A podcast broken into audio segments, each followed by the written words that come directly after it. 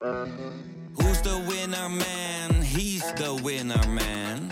Is hij miljonair? Geen idee, maar nou en.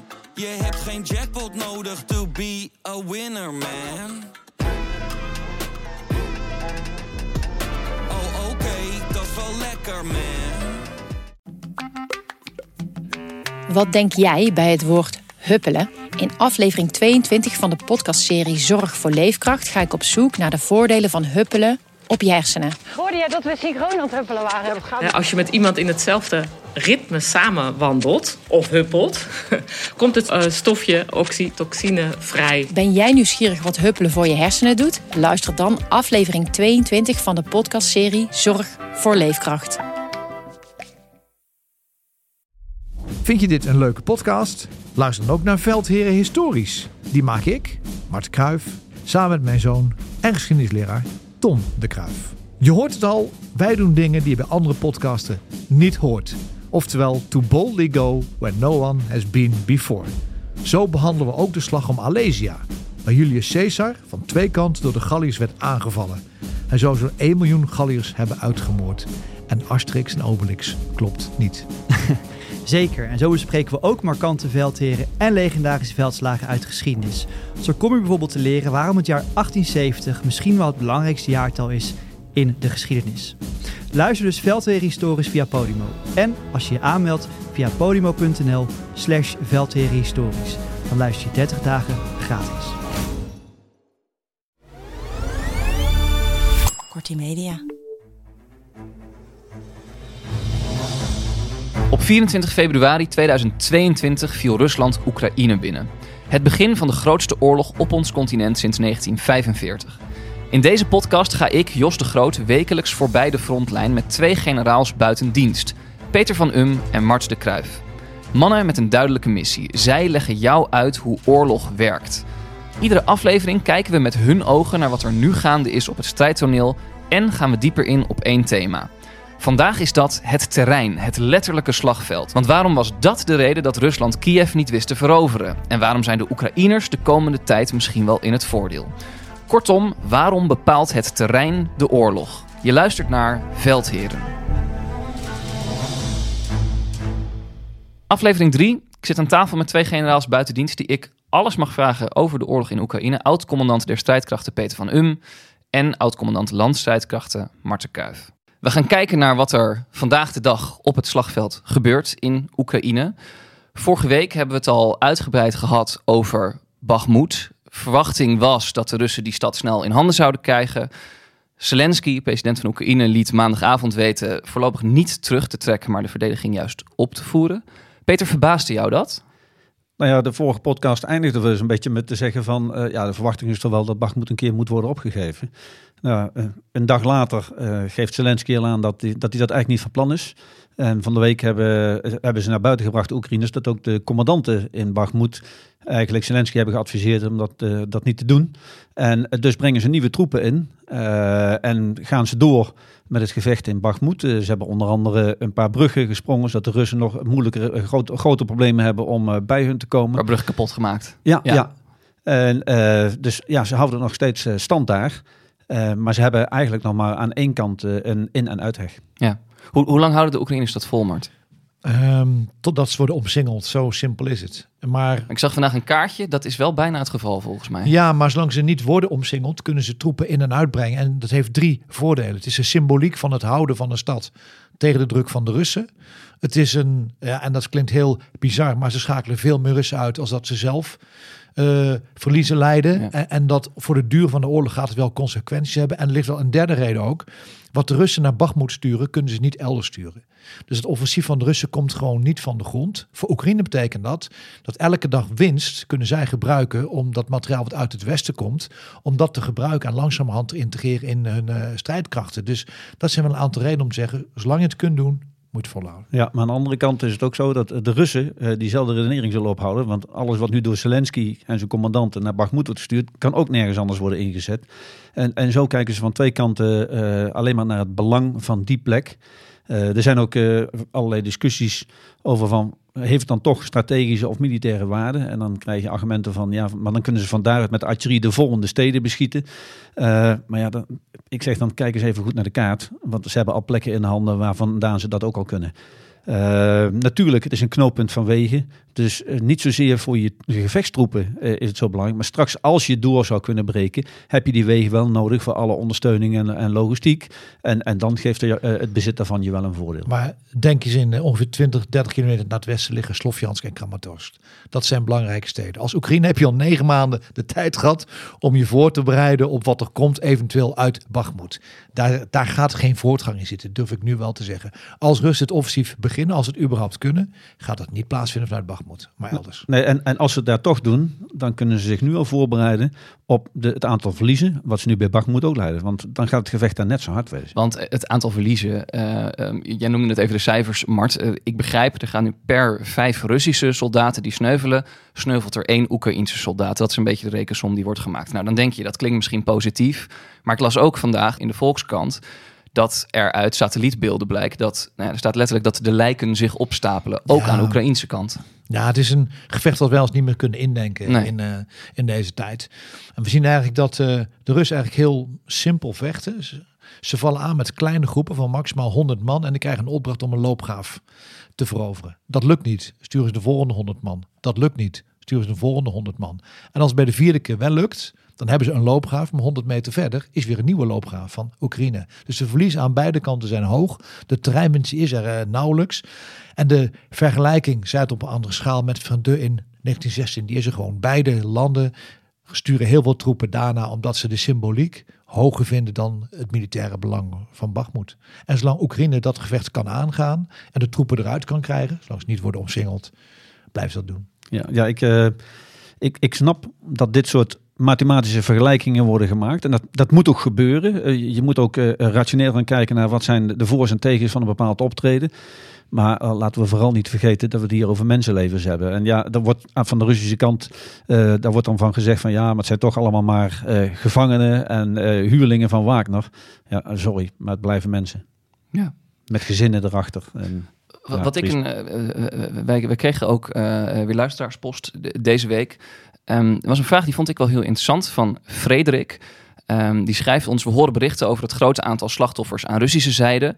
Maar wat doet dat met de moraal van een Oekraïense soldaat om eindeloos veel slachtoffers te maken? Kan dat ook een averechts effect hebben? En dat vond ik eigenlijk wel een interessante kijker op. Want misschien dat je.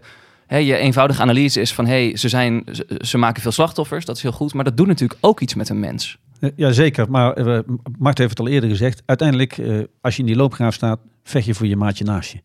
En uh, als zo'n aanval wordt afgeslagen, dan is er een, uh, ja, bijna een juichmoment. Uh, ja, mensen kunnen zich dat misschien niet voorstellen.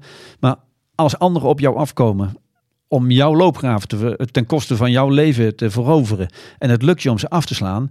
dan sta je soms gewoon te juichen in zulke omstandigheden. Dat is natuurlijk eigenlijk bizar. Je net iemand hebt doodgeschoten. Ja, maar je hebt net mensen doodgeschoten, maar, maar je, je, jij hebt het overleefd. Uh, je, je hebt succes gehaald. Um, ja, ik, ik heb altijd gezegd, uh, ik ben een grote fan van die A-team. Ik weet niet of uh, de mensen nog die serie kennen. Uh, de filmpjes waren allemaal natuurlijk een beetje onzinnig. Maar dat laatste moment.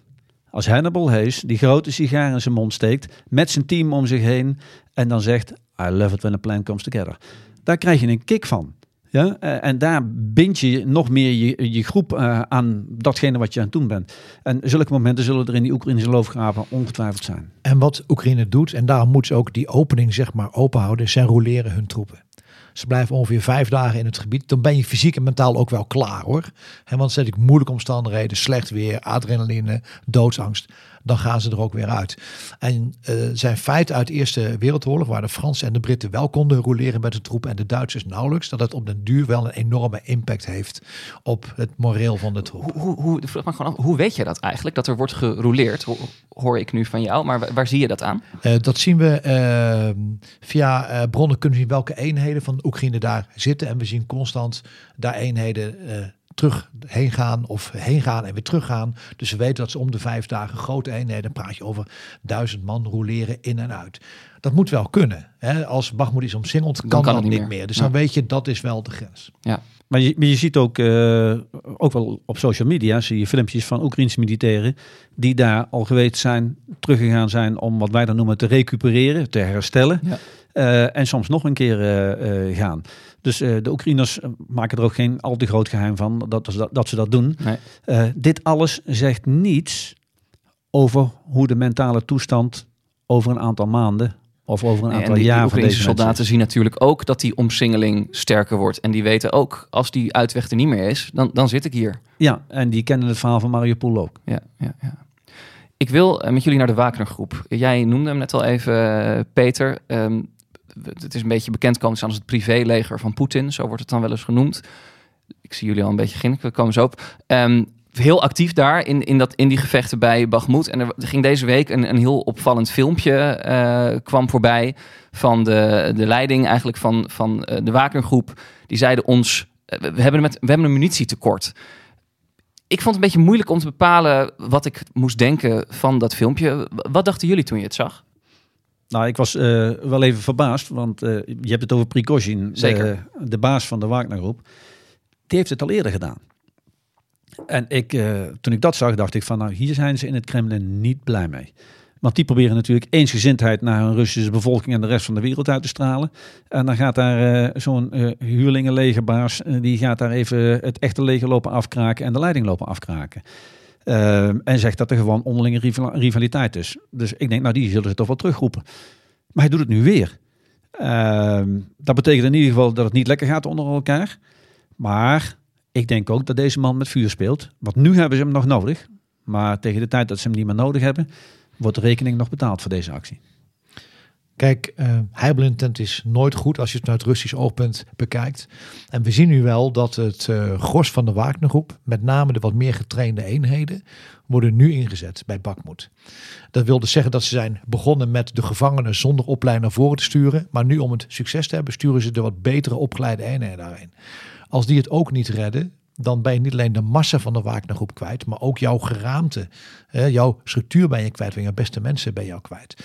En dat kan best wel eens een mogelijkheid bieden voor het normale Rustleger om eh, te zeggen, hey, even aan de kant, nou is wel genoeg geweest. Eh, want die rivaliteit speelt natuurlijk wel degelijk een rol. Ik zag jullie, toen ik zei het privéleger van Poetin, een beetje, Ja. een beetje schamper lachen. Ja, want Poetin heeft zijn eigen leger. Dat vergeet we, dat is niet de Maar dat is wat Wagnergroep. Dat is wat anders. Die heeft gewoon een eigen leger. Punt. Hè? Ja, punt. Van een paar eh, tienduizend mensen die hem gewoon helpen en eh, beveiligen. Dus dat is ook nog eens een keer. Een soort veredelde, uitgebreide lijfwacht. Zo mag je het zien. Ja, en die heeft hij dus nodig om dat spelletje in Rusland te spelen van het verdelen en heers. Eh, dus hij heeft naast de krijgsmacht, heeft hij ook nog dat eigen leger. Daar heeft hij de veiligheidsdiensten. En dat houdt hij allemaal keurig in balans. En dat kan hij omdat hij zoveel eh, touwtjes heeft om aan te trekken. En, maar wa- wat is, wat is dan precies, nog even kort, die, die Wagnergroep, hoe moeten we dat dan beschouwen? Want blijkbaar kunnen die een hele grote mond hebben. Nou, eigenlijk is het een soort vreemdelingenlegioen, maar dan zonder formele binding aan eh, Rusland. Dus ze gebruiken het om zeg maar de smerige klusjes eh, op te lossen voor de Russen. Dus ze zijn in Syrië ingezet. Ze zijn in Mali, as we speak. En ze Ja. hebben de Frans eigenlijk uit eh, Mali kunnen eh, gooien. Dus ze worden voor het buitenlandsbeleid ingezet. Ze worden voor operaties ingezet, bij gevechtsoperaties. En de Wagnergroep wil zich nu ook laten zien dat ze niet alleen een, een soort counterinsurgency noemen ze dat, dus een Syrië-achtig scenario met een tegenstander die niet goed is geschoold, dat ze daar kunnen winnen, maar ook dat ze in een regulier gevecht kunnen winnen. Ja. En daar komt die hele tegenstelling nu bij Bakhmut vandaan. Ja, maar de Wagner-groep leeft bij het feit dat de Russische federatie, Poetin, eh, gevechtscapaciteit, militaire capaciteit nodig had, die die kon inzetten zonder daar eh, als regering verantwoording over te hoeven afleggen. En eh, dat is natuurlijk heerlijk. Dit, dit zijn de groene mannetjes die ook in het oosten van Oekraïne hebben rondgelopen. Dit zijn de groene mannetjes die inderdaad naar Afrika worden gestuurd. Ja. En één, ze hoeven er geen verantwoording over af te leggen. En twee, die militairen worden gewoon gezien als disposables. Ja, dus die, Ja? die, die, die- het, het, het ma- het maakt niet uit. als ze overlijden, want eh, ja, wij, wij weten van niks. Ja. Eh, mijn naam is Haas. En kan er, kan er wel in dat bericht dat we dan zagen deze week een kern van waarheid zitten? Dus dat het dus misschien wel heel nijpend voor hen is omdat ze een munitietekort hebben, dat is natuurlijk een probleem. Nou, je ziet in generieke zin dat beide legers gewoon een enorm logistiek probleem hebben. Dat weten we ook. Gisteren nog iemand van de Europese Unie die zei: we moeten een oorlogseconomie gaan opstarten in Europa, anders kunnen we Oekraïne niet blijven voorzien van wapens. Dat is een enorm probleem aan beide kanten. En je moet kiezen waar je jouw schaarse middelen gaat inzetten. En dat is waarschijnlijk ook wel de achtergrond dat Prigozhin zegt: ik heb ze hier nodig. Maar misschien zegt het Russische leger wel. Misschien zien we dat binnenkort. Ik heb ze elders nodig. Ja. Wat misschien samenhangt met dat munitietekort is een ander bericht van deze week dat mij verbaasde. Namelijk dat de Russen massaal zouden vechten met hun schep. Toen dacht ik, uh, we, hebben, we hebben hier gesprekken gevoerd over de meest geavanceerde tanks en uh, weet ik niet wat. En uiteindelijk uh, wordt er nu gevochten met scheppen. Verbaast jullie dat of ligt dat aan mij?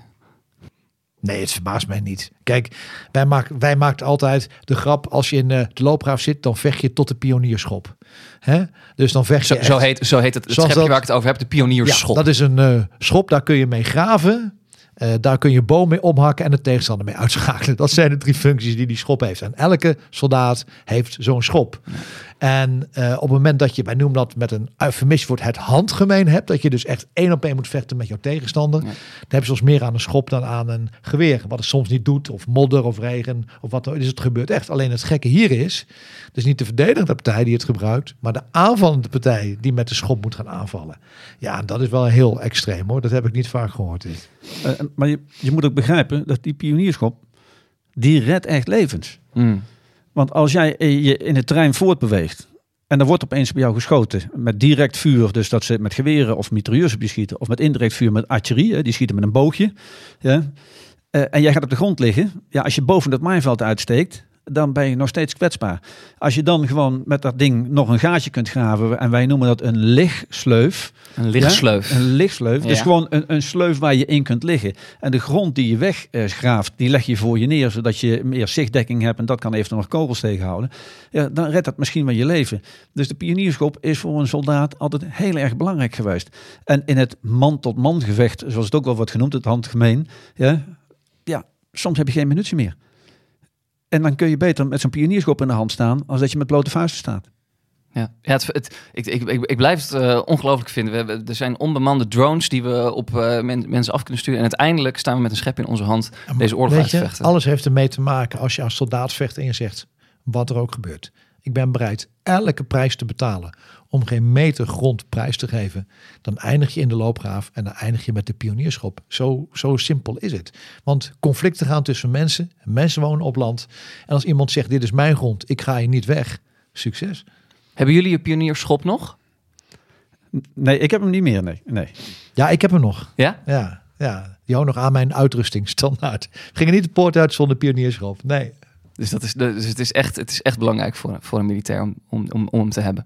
Nou, je denkt niet eens bij na, je hebt hem gewoon bij je. Ja, maar je, hebt, je ziet ook een hele evolutie in dat ding, hè? Uh, nou, ik zag, want... voor 20 euro kun je een eentje bestellen bij bol.com. Ja, ja, dat zal ongetwijfeld kunnen. Uh, uh, maar vroeger was het gewoon een steel met een stuk metaal eraan. Ja. En, en dat was in één geheel. Nou, Martin en ik zijn van de generatie waarbij je in ieder geval het metalen deel terug kon klappen. En had je alleen die steel nog tegen je kont aanhangen of boven in je, in je rug zitten. Ja. Maar ook al was dat lastig, je nam hem wel mee. En nu hebben ze tegenwoordig al een ding wat ze in compleet van kunststof of metaal is. En dat vouwen ze in drieën. Kun je heel snel uitklappen. En inderdaad, je kunt er een boom mee omhakken. Dan het thema van deze week. Het belang van terrein in een oorlog. Want of je vecht in een bos, op een open veld, in een modderpoel of in de bebouwde kom, dat maakt nogal een verschil. En nu is de vraag: kan het terrein de uitkomst van de oorlog in Oekraïne bepalen? Kunnen jullie een voorbeeld geven wanneer dat terrein in Oekraïne uh, van, van belang is geweest? Een heel pregnant voorbeeld is zeg maar noord van Kiev. Noord van Kiev liggen moerassen. De Pripyat moerassen, die zijn eigenlijk uh, niet toegankelijk. Alleen maar wegen die kunstmatig zijn aangelegd kun je overheen. En voor de rest moet je echt een local zijn om te weten waar je kunt lopen en niet zonder dat je verdrinkt daar. Dus dat is voor militair ontzettend moeilijk terrein. En wat zien we nou? Dus dat we aan het begin van de oorlog, hè, dat de Russen Kiev ja, probeerden in ja, te nemen. Nou, en ja. je ziet toen Kiev werd ingenomen in 1941, in de Tweede Wereldoorlog. Toen gingen de Duitsers helemaal oost van Kiev, van de Dnieper, om die moerassen heen, om Kiev in te nemen. Als dachten, daar moeten we zeker niet zijn. Want zagen we nu dat de Russen vanuit Wit-Rusland door die moerassen heen gingen richting Kiev. Dan denk je, oh, dit is niet zo slim. Dat werkt dus ook niet. Dus na twee weken zeiden de Russen, misschien moeten we toch wel aan de oostkant van de Dnieper naar Kiev toe. Ben je twee weken kwijt. Dus Ja. dat trein blijft bepaald. Ja. Ja. en wat je daar dus zag, het terrein kanaliseert uiteindelijk degene die naar voren wil. En dat waren toen de Russen. Als verdediger, jij probeert net als de aanvaller het terrein te lezen. En je kijkt naar waar mogelijkheden en onmogelijkheden zijn. Voor jezelf en voor je tegenstander. En je probeert dat terrein, als het nodig is, aan te passen. En dat kan door eh, ehm, een, een bosrand helemaal eh, plat te leggen. Dan kun je er niet meer in rijden. Eh, dat kan door een brug op te blazen. Dat kan door prikkeldraadversperringen neer te leggen. Het kan zijn dat, we, dat je er mijnen neerlegt. Zodat je die vijand de richting op krijgt waar jij hem het beste kunt aanpakken. En dat noemen we ook wel een killzone. Waar je dan het maximale rendement, effect haalt uit al jouw wapensystemen. Nou, in het, in het noorden bij Kiev hoefden de Oekraïners niet zoveel te doen. Want de natuurlijke hindernissen waren al zo goed dat de Russen konden eigenlijk alleen maar op de wegen blijven. En dat maakt het als verdediger natuurlijk een stuk makkelijker. Maar kan ik daar dan inderdaad ook uit opmaken dat je als verdedigende partij per definitie een voordeel hebt? Omdat jij, jij kent natuurlijk je eigen terrein het beste. Je hebt het nadeel dat je kunt worden verrast, hè, want het ligt bij de aanvallen. Maar je hebt het voor dat je het terrein naar jezelf kunt laten richten. Het werkt overigens niet altijd. Hè. Een schoolvoorbeeld dat het niet werkt is de Tweede Wereldoorlog. Waarbij de Fransen de Maginot-linie bouwden. Want die dachten als de Duits komen, dan komen ze hier. En dat deden ze niet. Ze kwamen dwars door de Ardennen heen. Wat je normaal gesproken met tanks niet zou doen. Een beetje te vergelijken met de Pripyat-moerassen. Over de wegen moet je dan blijven. Dat deed ze wel. Alleen hadden de Fransen niet meegerekend. Dus het element verrassing en risico blijft ook altijd wel een rol Ja, ik vind de Maginot-linie nog steeds het schoolvoorbeeld van eh, wat Darwin bedoelde. Hij die zich aanpast, die overleeft. Want de Fransen dachten na de Eerste Wereldoorlog van dit nooit meer, bouwden de Maginot-linie, een hoop effort erin gestoken. En toen kwamen de Duitsers en toen kwamen de eh, Duitsers, door de maar die hadden goed opgelet en die wisten dat ze anders moesten gaan opereren. Eh, en die pasten zich wel aan en die gingen gewoon over, langs en ja, soms ook tegen die Maginot-linie aan. Maar eigenlijk was die niet relevant meer. Nee. En als we, als we dit verhaal even vertalen naar de situatie van vandaag de dag. Ehm, ik zag deze week op social media een foto voorbij komen van een bebloede rugzak van een soldaat die hing in een boom. Tragisch beeld, maar ik zag dat veel Oekraïense mensen die erop reageerden er ook hoop uitputten omdat er knoppen in die boom zaten. Oftewel, de lente komt eraan. Mart, zou je kunnen uitleggen waarom de Oekraïners die lente ehm, met enthousiasme verwelkomen? Ja, het eerste zou ik zeggen. eh, de laatste scène van In Westen niets is dat een vogeltje eh, fluit vanuit de loopgraaf. De hoofdpersoon kijkt naar die vogel en denkt het wordt voorjaar. Het leven wordt beter in de loopgraaf. Dat is ook wel het einde van het verhaal. Maar dat speelt zeker mee. Wat hier vooral om gaat is, kun je het terrein gebruiken om met jouw voertuigen offensieve operaties uit te gaan voeren. En want daar gaat natuurlijk om. Want iedereen denkt modder, sneeuw, daar moet je niet doorheen kunnen rijden. En ik moet zeggen, dat effect valt wel tegen hoor. Want wij vergeten wel eens dat met name de Russische tanks, die Oekraïne ook nog heeft, die zijn eigenlijk gemaakt om dit soort omstandigheden op te treden. Want even, um, um, wat ik nu veel lees in de analyses is de grond ontdooit. Dus het wordt één grote modderpoel en daar gaan ja. al die Russische tanks in ja. vastrijden. Nou, vroeger hadden wij een truc. Dan hadden we een wachtmeester van de cavalerie en die sprong op de rug van een andere wachtmeester. En als die ene zijn één been optilde en die zakte tot zijn enkels weg in de trein, dan kon je daar niet rijden. Dan wist je dat, dan kun je daar niet rijden. Mm -hmm. De Russische tanks kunnen dat wel. En waarom kunnen ze dat? Okay. Ze zijn 20 ton lichter. Westerse tanks zijn 60 ton, ton weegt 40.000 kilo. En ze hebben veel bredere rupsbanden. Dus de bodemdruk is veel lager. Dus het gekke is, die Russische tanks zijn eigenlijk voor gemaakt om dit soort omstandigheden op te gaan treden. Dus voor militaire operaties maakt dit weer op zich niet veel uit. Wel voor de voertuigen die moeten volgen. Voor je logistiek, voor je wielvoertuigen, hè, voor je geneeskundige afvoer. Daar speelt wel een rol. Maar waarom hoor ik dan analisten zeggen, uh, dit, is, dit is goed nieuws. Uh, die Russische tanks gaan in de modder vastzitten? Ja, goede vraag. Uh, ja. de, nee, maar het, het, klopt niet. Wat Mart aangeeft, nee. als het dus echt drassig wordt, staan ook de Russen vast. Uh, we moeten niet vergeten dat de Russen ook heel veel uh, panzervoertuigen hebben op wielen. En voor die is het al een stuk moeilijker. En als jij effect wil brengen bij een aanval, dan heb je uh, meerdere middelen nodig. En niet alleen tanks. Ook infanteristen die die tanks volgen, die die tanks beschermen. Ja. En voor die voertuigen wordt het een stuk lastiger, als het heel erg drassig is, om die tanks te blijven volgen. Zeker in het tempo wat die tanks kunnen maken. Ja. Dus dan, dan, als je tegelijk start, zie je onmiddellijk de tanks vooruit sprinten. En die wielvoertuigen, die krijgen het dan heel erg moeilijk en die blijven achterhangen. Ja, dat betekent dat de tanks kwetsbaarder zijn. En, als je dan en wielvoertuigen, dat zijn bevoorradingsauto's, uh, nee, wagens wagens met, dat, met zijn, wapens. dat zijn ook, ze hebben ook, Zijn ook gepantserde voertuigen Ja. waar infanteristen in zitten. Die hebben ze ook. Ja. Eh, en ja, die, die houden die tanks gewoon niet bij. Nou, als je dan ziet dat de, de Russische tanks, eh, zeker de oudere, die hebben niet zoveel bescherming aan de buitenkant hangen. Ja, dan word je wel heel kwetsbaar. Dus, de, dus de, de, de- het modderseizoen is niet per definitie goed nieuws voor de Oekraïners. Nou, maar daar komt ook weer de link met het terrein. Als Oekraïne probeer je de Russen daar te krijgen waar het terrein niet zo begaanbaar is. Daar probeer je ze heen, eh, te krijgen. Maar de stelling op zich dat tanks vast zouden rijden in een terrein dat modder is, ja, dat is gewoon niet waar. Het heeft wel invloed op de operaties. En als je trein goed eh, gebruikt, kun je het nog uitbuiten ook. Kijk, want uiteindelijk, wij kennen allemaal, iedereen kent de, de term sitting duck. Ja?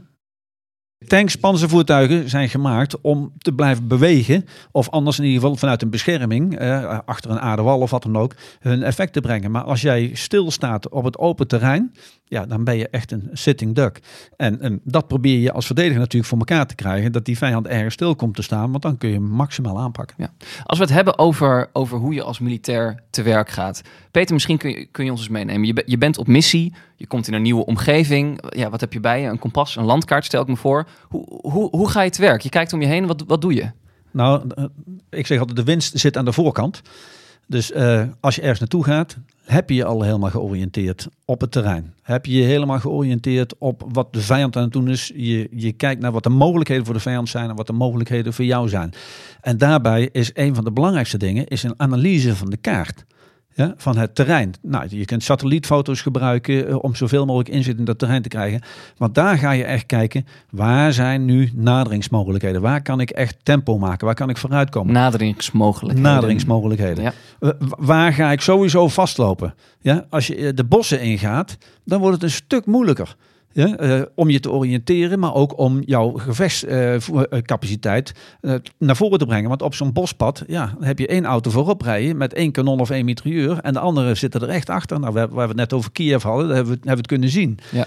Ehm, dus zo kijk je naar wat de mogelijkheden zijn. Eh, kijk je wat je daadwerkelijk eh, aan middelen kunt inzetten op welke plek. Eh, en dan ga je pas eh, aan een actie beginnen. Dus eh, aan de voorkant zit echt de winst. Als jouw voorbereiding goed is, dan heb je de beste kans dat je eh, maximaal effect hebt en dat je toch probeert de vijand nog te verrassen. Kijk, het is wel een ernstige professionele afwijking hoor. Hè, want als wij op vakantie rijden door Duitsland of eh, door Frankrijk, hè, dan eh kijkt Matje zegt, oh, schootsvelden hier zijn mooi. Of deze rivier, daar kan ik met een tank wel overheen. Of deze kan ik net niet. Dus denk Maakt niet uit waar je komt, dat is jouw eerste, Pa, eerste pa, gedachte. pa, dat is zo ingeramd dat je kijkt naar het trein dat de kinderen wel eens moe van worden. En zeggen, nou, eh, Ja, kan ik leerde van een. Duitse collega leerde ik op een gegeven moment een woordje wat nooit meer uit mijn hoofd is gegaan. Want soms heb je relatief kleine slootjes. Maar die zijn dan net zo eh, door, de, door de walkanten, eh, eh, zijn die zo dat een panzervoertuig daar niet meer overheen kan. En dat noemde hij een pisrine. Hè, dus dan, dan reed ik door Frankrijk heen en dacht ik, oh, dat is een pisrine. Dat, dat, soort, dat is gewoon deformatie. Mart, Mart, hoe is dat stramien er bij jou ingeramd om een terrein tot je te nemen? Nou, ik kreeg vroeger op eh, de KMA te horen, eh Beb wast vlug haar nylons. en dat Beb was iedereen, vlug wat haar nylons. Die En gaan we een- even op ons in laten werken. Een nylon zou zeggen dat is een tegenwoordige panty, Ja, maar er is niks meer als een soort hulpmiddel wat je kunt gebruiken. Want de B van BEP staat voor belangrijke gebieden. Wat zijn nou dominante gebieden? Bijvoorbeeld bergen, hoge bergen. WAST staat eigenlijk voor waarnemers- en schootsvelden. Dus waar kan ik dingen zien en waar kan ik schieten met mijn wapens? De S staat voor eh, kan ik eh, goede dekkingen in vinden voor mijzelf, gevechtsdekkingen. De H staat voor hindernissen. En hindernis zegt Peter al, dat kan een natuurlijke zijn. Hè? Dus een eh, klote beek, zeg maar. Of je kunt mijnenvelden aanleggen. En je kunt Ja. de trein conditioneren. En dat laatste staat voor, nylon staat voor naderingsmogelijkheden. En met deze vijf dingen in je hoofd kijk je constant naar het terrein. Hoe zou de vijand doen? Hoe zou ik het doen? En dat is ja, uiteindelijk als je het elke keer doet, wordt het een deel van eh, je leven. En je maakt je s'nachts wakker en iemand roept, eh, hoe zit het trein? Dan zeg je gelijk, Beb was eh, snel aan nylons. En dan kom je er wel uit. We, we zien nu, de Russen die proberen al weken door de verdedigingslinie te komen. Als we het weer even vertalen naar dat terrein. Op, op wat voor terrein kun je nou het beste doorbreken? Nou, het doorbreken, dat kun je op ieder terrein op zich. Eh, maar je probeert daar door te breken waar terrein achter die plek ligt, waar je dat succes kunt uitbuiten. Ja, al- als jij eh, doorbreekt, maar ze hebben daarachter weer de volgende verdedigingslinies allemaal liggen. En je kunt nooit jouw capaciteit ontplooien om dan zoveel mogelijk terrein weer daarna te winnen. Ja, dan, dan schiet dat doorbreken niet zo op. Het is eigenlijk het verhaal wat Mart net vertelde over de, de loopgraven. eh, in, dat is van meer in de kleine loopgraaf bij Bachmoed. Als je de ene loopgraaf wint, weet je dat eh, amper 100 meter verder de volgende is. Maar kun je dat specifiek maken? Dus bijvoorbeeld als je op een veld bent of op een, in een bos of in een stadsomgeving. Wat is dan het verschil in benadering? Nou, in een open veld kun je dus maximaal eh, ontplooien, zoals wij dat noemen. Dus kun je al je, je panzervoertuigen kun je breed neerzetten, kun je eh, het maximale effect van je wapens hebben. Ehm, maar je bent daar ook kwetsbaarder, want ja, je wordt eerder gezien. Ja. Je kunt makkelijker op grote afstand worden aangegrepen. Ga je in een bos in, ja, daar heb je eh, zichtsafstanden van. Als je blij bent, dan heb je 100 meter, een keer een open plek of zo. Maar je zit dus veel dichter op elkaar. En eh, de coördinatie van jouw optreden is daar veel moeilijker, want je, je eigen troepen zie je ook eigenlijk niet. Hè? Er zit onmiddellijk een bomenrij tussen. En wat je altijd wil voorkomen, is dat je, dat is het ergste wat militair kan voorkomen, en wij noemen dat blue on blue. Blue on blue. Ja, dat betekent dat je op je eigen collega's aan het schieten bent. Dus dat, dat, dat wil je niet. Dus je wil blijven coördineren waar iedereen zit. Dus je ziet eigenlijk gewoon in de verte andere soldaten en je weet niet meer van je, welke en je weet partij. niet meer eh, wie het is. Eh, zijn het eigen troepen of is het vijand? Eh, dus die coördinatie in bossen is eh, heel erg moeilijk. En datzelfde geldt eigenlijk ook in wat wij noemen gevechten in oorden, hè, steden en dorpen.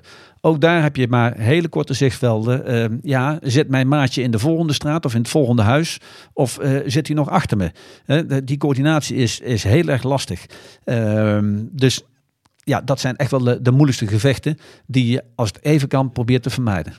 Ik wil nog naar één onderdeel van het terrein toe, namelijk de rivier.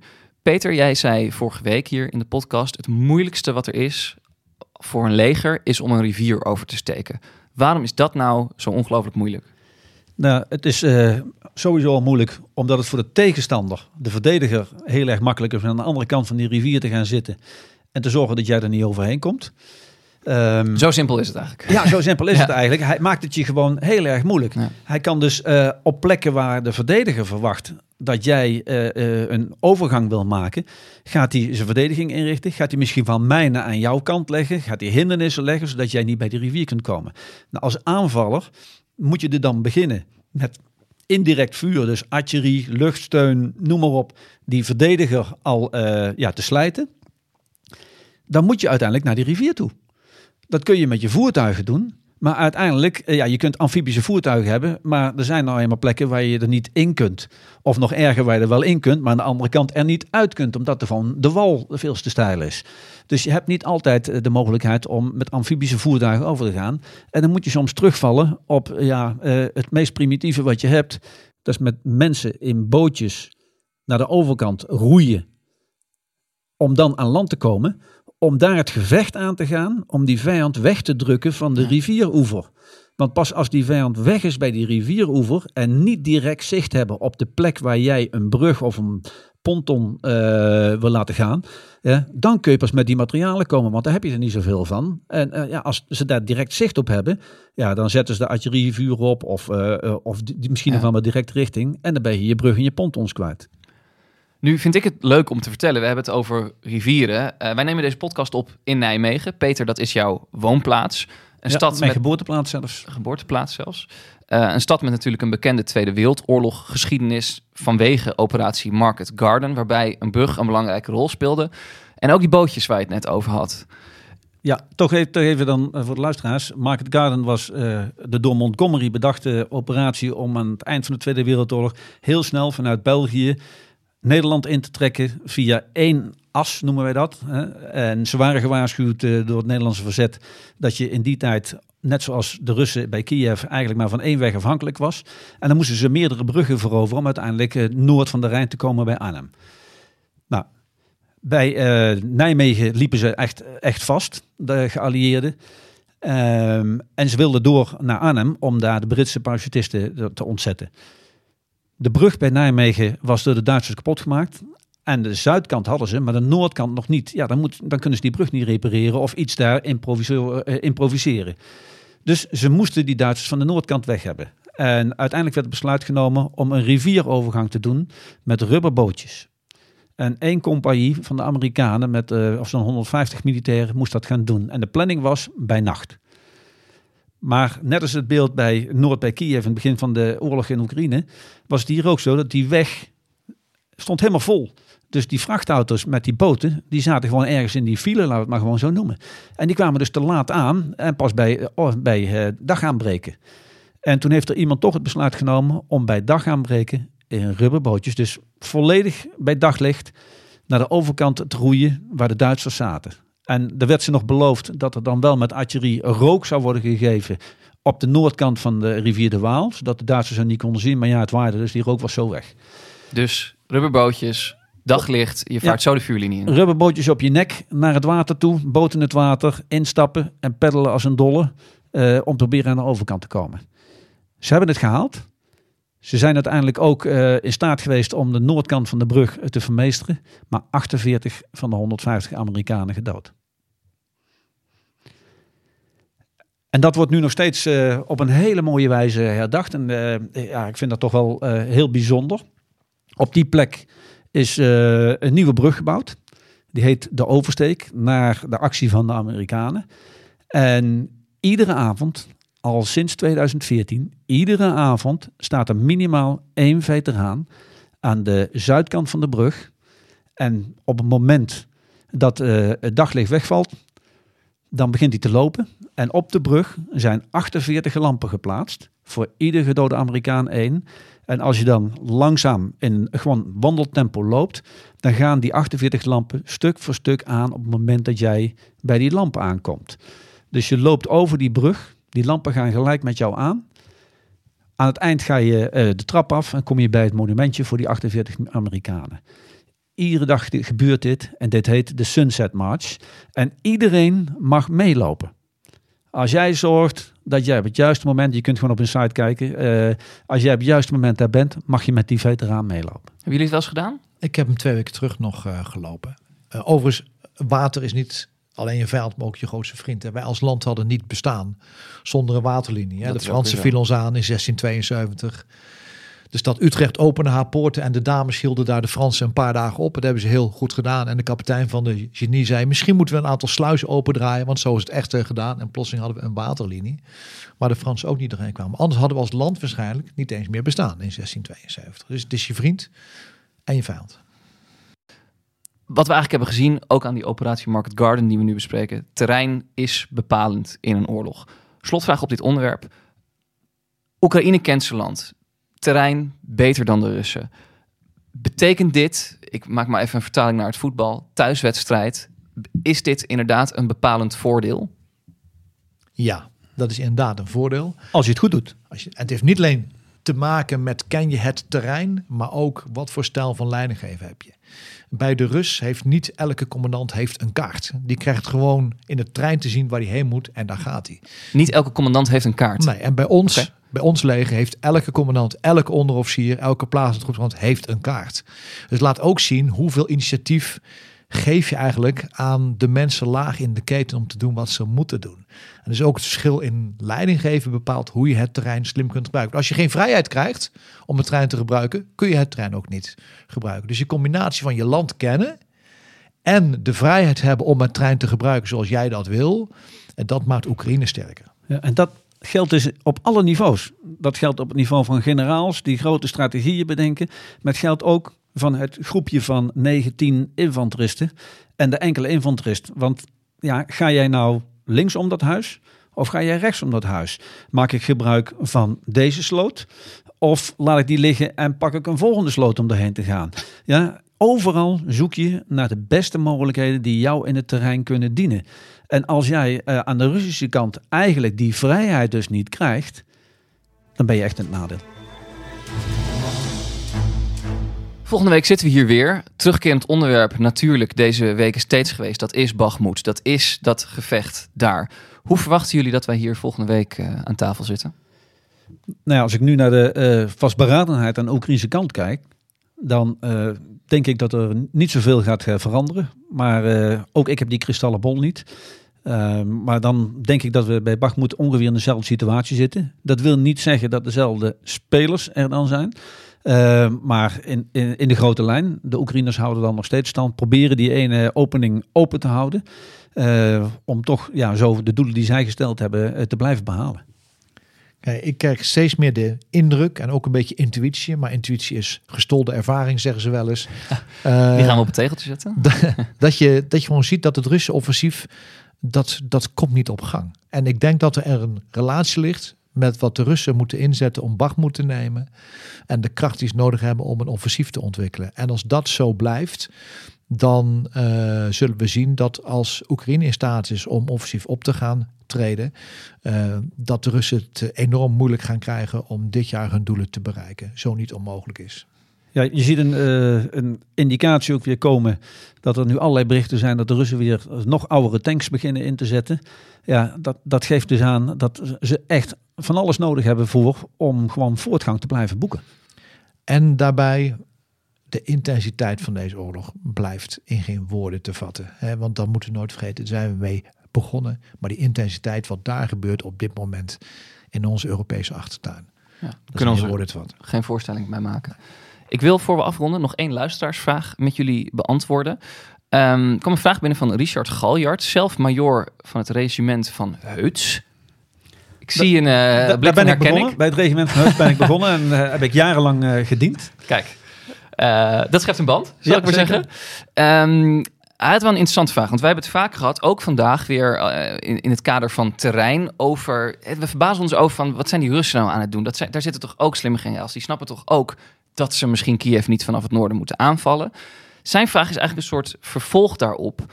Um, want hij vraagt zich af, luisteren de Russen mee? Als er hè, bij ons, nou, bijvoorbeeld in deze podcasts of in praatprogramma's zitten militair analisten die piek, uh, piekfijn uitleggen waar het aan schort in de Russische tactiek, kunnen we daarmee de Russen slimmer maken? Nou, dat ze meeluisteren, dat is, dat is, dat is zeker. Misschien niet met deze podcast, maar met wat er in het Westen gebeurt. Uh, uh, ja, zeker, dat, dat doen ze.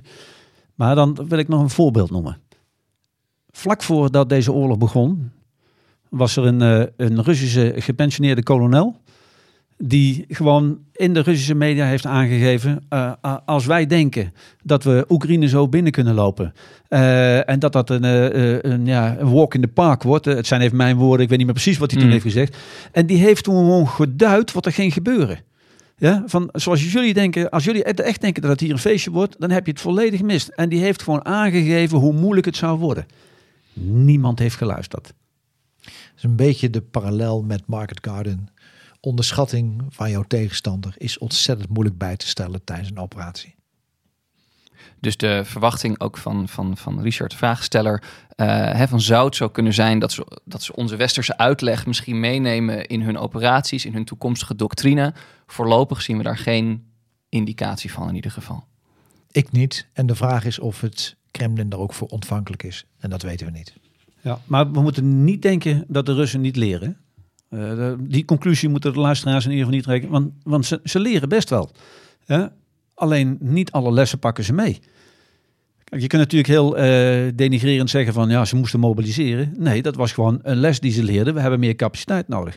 Dus ze passen zich best wel aan, maar niet voldoende om uiteindelijk succes te halen. Goed, wij, uh, wij spreken elkaar volgende week weer. En wij gaan natuurlijk volgen wat er deze week op het slagveld gebeurt. Je luisterde naar Veldheren. Mijn naam is Jos de Groot. Naast mij zitten generaals buitendienst Peter van Um en Marts de Kruijf. Wil je hen nou ook iets vragen? Dan kun je ons mailen op veldheren.cortimedia.nl. Dat is Corti met C-O-R-T-I. En we zijn ook te vinden op Twitter, Veldheren. Deze podcast kun je beluisteren in Apple Podcasts en op Spotify. Vergeet je vooral niet te abonneren. En laat ook een recensie voor ons achter. Dan wordt deze podcast weer makkelijker vindbaar voor nieuwe luisteraars. Wij zijn er elke donderdag. Tot volgende week.